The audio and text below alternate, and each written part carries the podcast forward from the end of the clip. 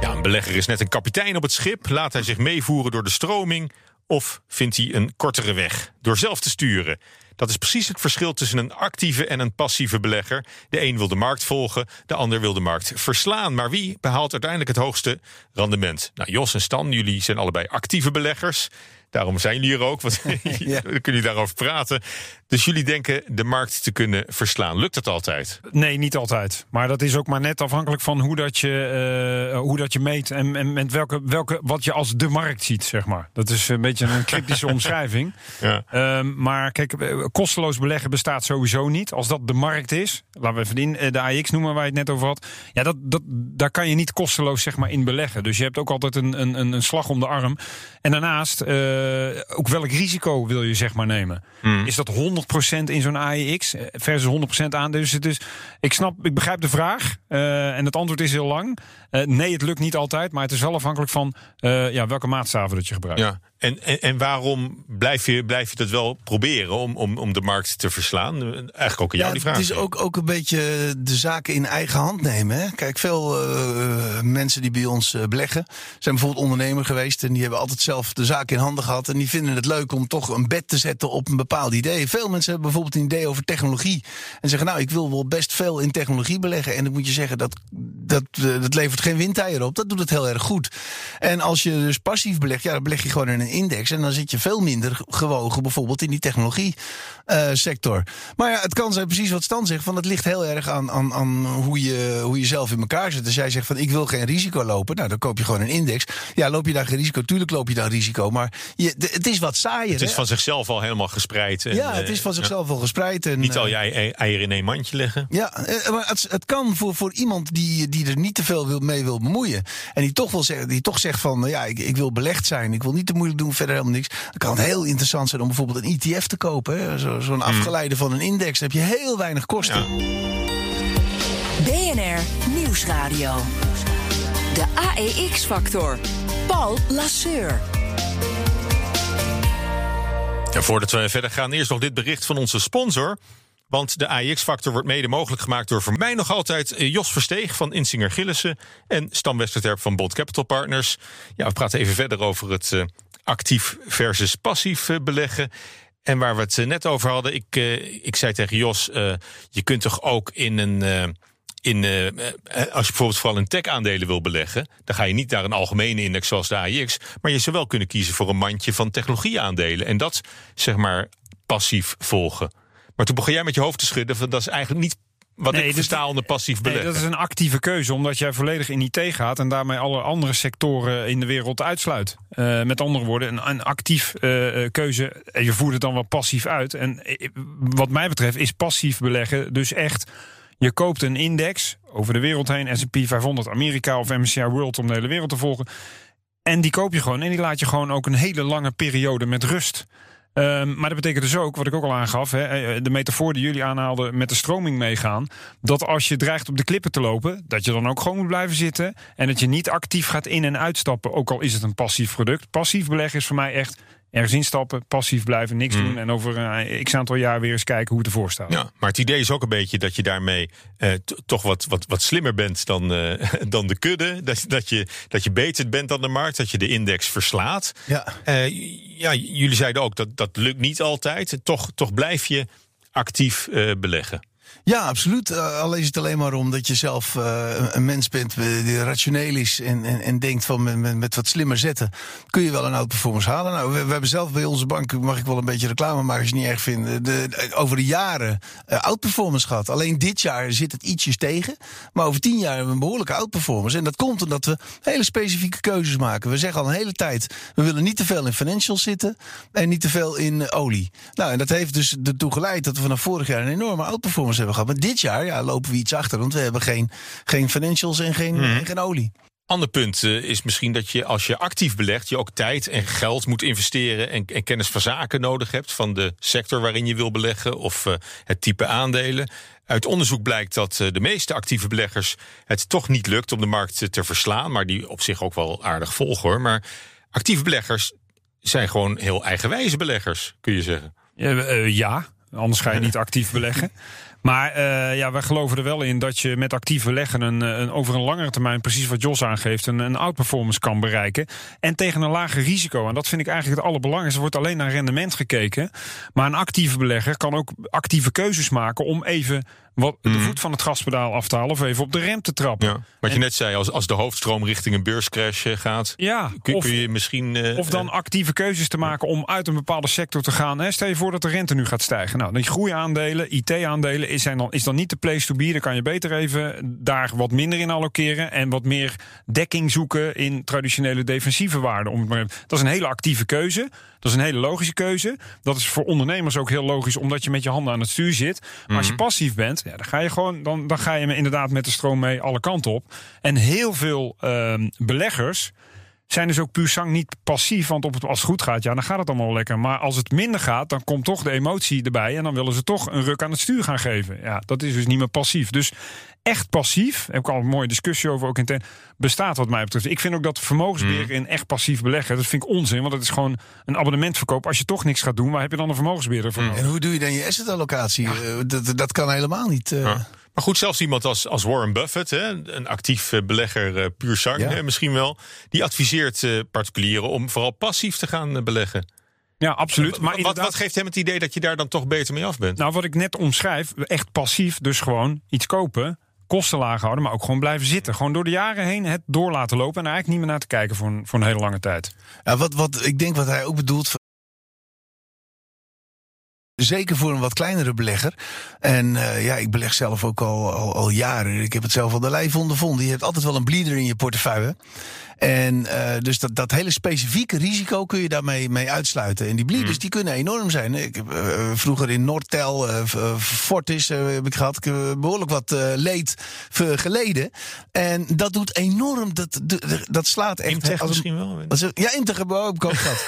dus dat, dat, dat, ja, dat slaat enorm in je performance. En als je nou bijvoorbeeld, je zou het kunnen combineren. Je zou bijvoorbeeld met een redelijke kleine portefeuille zou je kunnen denken van nou, ik neem voor, voor, voor 80% of 75% eh, volg ik gewoon domweg de index. En, maar ik heb ook wel specifieke ideeën.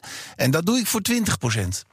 Dus dat, dat kan een aardige combinatie zijn om, om dat specifieke risico wat terug te dus, brengen. Want... Uiteindelijk zul je dat het meeste zien, dat mensen deels actief en deels passief eh, beleggen. Ja, dat, dat denk ik wel. En, en om nog even op Warren Buffett terug te komen, omdat je er zelf over begint. Kijk, Warren Buffett heeft ook gezegd: overdiversificatie is eigenlijk een verzekering tegen onwetendheid. Of te veel diversificatie. Ja. En ik, wij zeggen intern altijd, waarom zou ik de S&P 500 kopen... als op basis van onze analyse wij eigenlijk 300 van die bedrijven niet willen. Omdat het of slechte bedrijven zijn... of omdat de waardering veel te hoog is. Dus we maken gewoon een actieve keuze daarin. En op lange termijn zie je, zie je wel... Uh, ja, ik geloof niet in de efficiënte markthypothese... want dan zou je inderdaad alles passief moeten doen. Wij geloven nog steeds dat je met gedegen bottom-up fundamentele research... Uh, outperformance kan bereiken over lange termijn. Met of hetzelfde risico en een hoog rendement of hetzelfde rendement, maar met een lager risico. En dat is gewoon heel erg belangrijk. Dus, uh, en dat zie je ook dat dat in de praktijk vaak, uh, ja. ja. vaak tot stand komt. Nou, nou, van de beurs wordt altijd gezegd dat dat de perfecte markt is. Hè? Hoe bedoel je? Ja, nou, in, in algemeen, hè, gewoon in economische termen. De perfecte alle markt kennis is erin verwerkt. Ja, alle kennis is erin verwerkt. Nou, dat eigenlijk, dus eigenlijk uh, geloof je daar dan dus dat niet is die efficiënte markthypothese waar ik het over heb. Dat geloof ik niet. Want als de markt echt efficiënt is, dan, dan zouden alle aandelen ook juist gewaardeerd zijn. Ja, precies. Nee, maar wat, wat ook wel interessant is, uh, een tijdje geleden las ik een interessant rapport van Steve Bergakker, die bij Robeco uh, werkt. En die heeft, had jarenlang uitgezocht van wat drijft nou die performance hè, van, van de aandelenmarkten. En dan zie je dat het gemiddelde rendement over aandelen is iets van 7%. Maar als je naar sectoren kijkt, dan zie je vaak heel langdurige verschillen.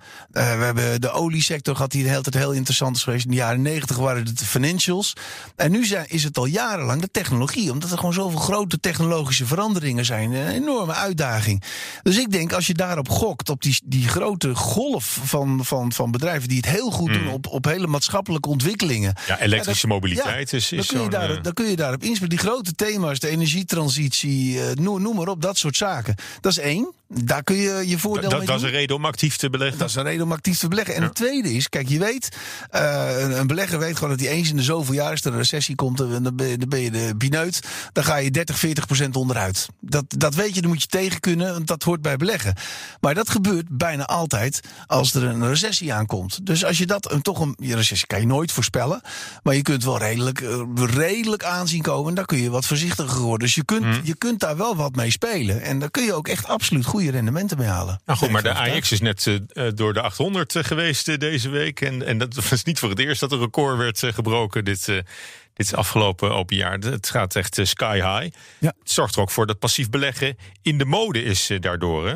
De- Denk je dat de vraag naar actieve beleggingen weer toe gaat nemen wanneer er onrust aankomt en de koersschommelingen te, te verwachten zijn? Ja, nou dat is, een, dat is een moeilijke vraag. Maar het is inderdaad wel in de mode, omdat het eh, ja, relatief goedkoop is. Hè. Eh, we zien het Nou ja, ook, jullie, ja. jullie, jullie verslaan hem ook niet dit jaar. Eh, nee, nou, dat is nog, het jaar is nog niet afgelopen. Het jaar is nog niet de dag niet gelukkig voor de avond is gevallen, zeg ik altijd. Dus dat, ik denk dat het nog wel goed komt voor, voor dit jaar dan. Maar nee, dat, het, is een, het is een trend. En kijk, theoretisch gezien kan niet iedereen passief gaan beleggen. Want ja, dan wordt het weer heel interessant om, om actief te gaan beleggen. Dus Maar goed, als je, als je zo'n geleidelijk eh, stijgende lijn ziet in, in de beurskoersen. Dan, eh, eh, dan is dat een, een, ja, een lage prikkel om, om heel actief te gaan beleggen natuurlijk. Nee, want sommige fondsen doen het veel, veel beter. En de andere doen het weer veel slechter. Dat is precies wat Jos Hm. ook zegt. En, en dat is ook de reden waarom wij actief zullen blijven. Overigens, wij doen het dit jaar wel iets beter dan die benchmarks. Laten we dat even Dat wil je ook wel even gezegd hebben. Mag ik dan, dan ook even zeggen? Eh, maar ik, eh, de, de, de, de- dat is zeker eh, geen sinecure en daar kan je de klok niet op gelijk zetten. Alleen ik, nogmaals, ook als professioneel beheerder, kijk je ook naar het risico wat je ervoor neemt. Hmm. En passief beleggen. ehm, eh, het andere risico dat ik zie, omdat het nu ook zo populair is, iedereen gaat erin. Maar op het moment dat iedereen eruit wil, door die, door die hele kleine uitgang, dat zie je ook gebeuren, komen er hele rare prijzen. We zagen het vorig jaar met corona even tot stand. Ook met name in die trekkers en die ETF's, waar Jos het net al over had. Omdat je dan at any price gewoon pst, eruit wil. Worden al die mandjes in de markt gedumpt. Dan gaan ook die, eh, de goede aandelen en de slechte aandelen, alles ruksigloos eruit. Terwijl je dan als actieve belegger heel erg scherp moet zijn. Want dan komen de koopjes voorbij. En dat is het moment, niet eens zozeer naar boven toe, maar met name naar onder toe, dat je echt het verschil gaat maken. Ja. Want, je, want jij zegt wel, eigenlijk ben je bezig met risicobeheer. Veel meer dan. eh, Absoluut. dan je bent altijd, op- aan, op altijd aan doormeten. Ook eh, diversificatie natuurlijk is heel belangrijk. Asymptomatisch risico, waar Jos het ook al over had. Mm. Kan je wegdiversificeren door niet alles in dezelfde sector en dezelfde regio te beleggen. Maar je zoekt gewoon binnen een groep van bedrijven. Kijk, jij welke Ja. vind ik de beste en het meest, het meest interessante gewaardeerd. Ik hoef niet die hele eh, sector te hebben. Nee, maar het is wel heel goed, is om, actieve goed om, is wel goed om dat te benadrukken.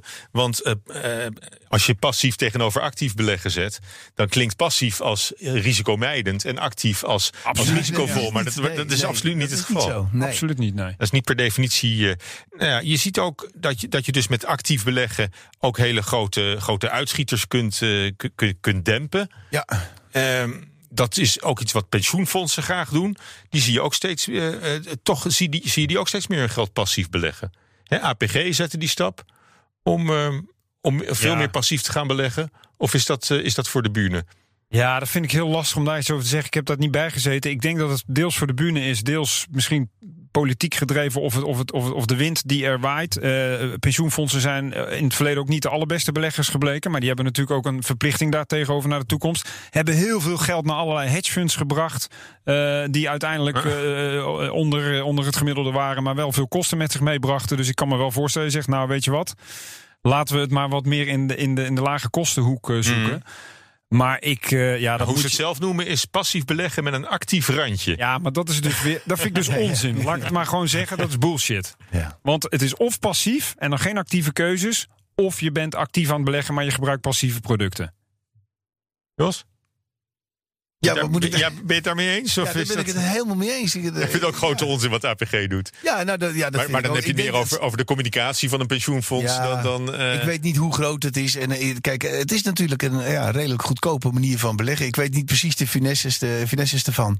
Maar het, het is een hele goedkope manier van beleggen. En, en waardoor je ook nog een behoorlijke spreiding kan krijgen. Dus ja, ik, ik ben er niet helemaal op tegen.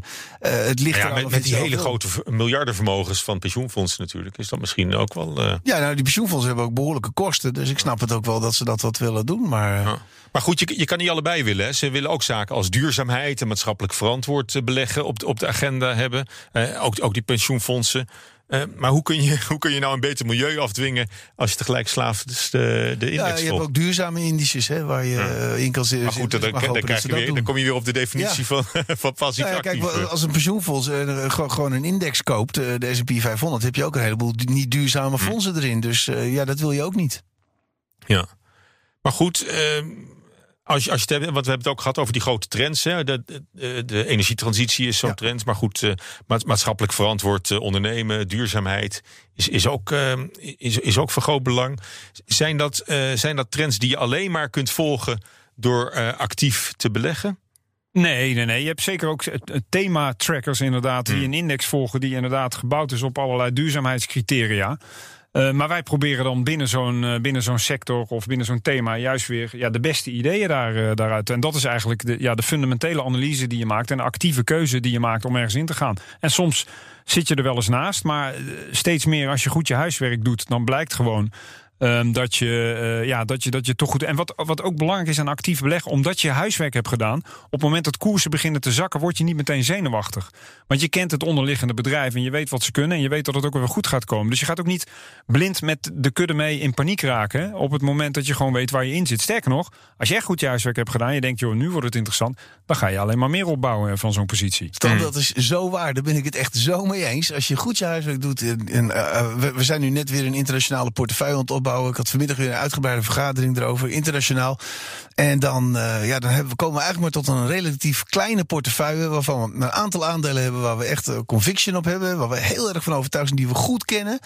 Nou, als je, en dat is dus echt goed je huiswerk doen. Die bedrijven van top tot teen kennen. En de, eigenlijk de hele dag denken van waar kan het misgaan, waar kan het misgaan.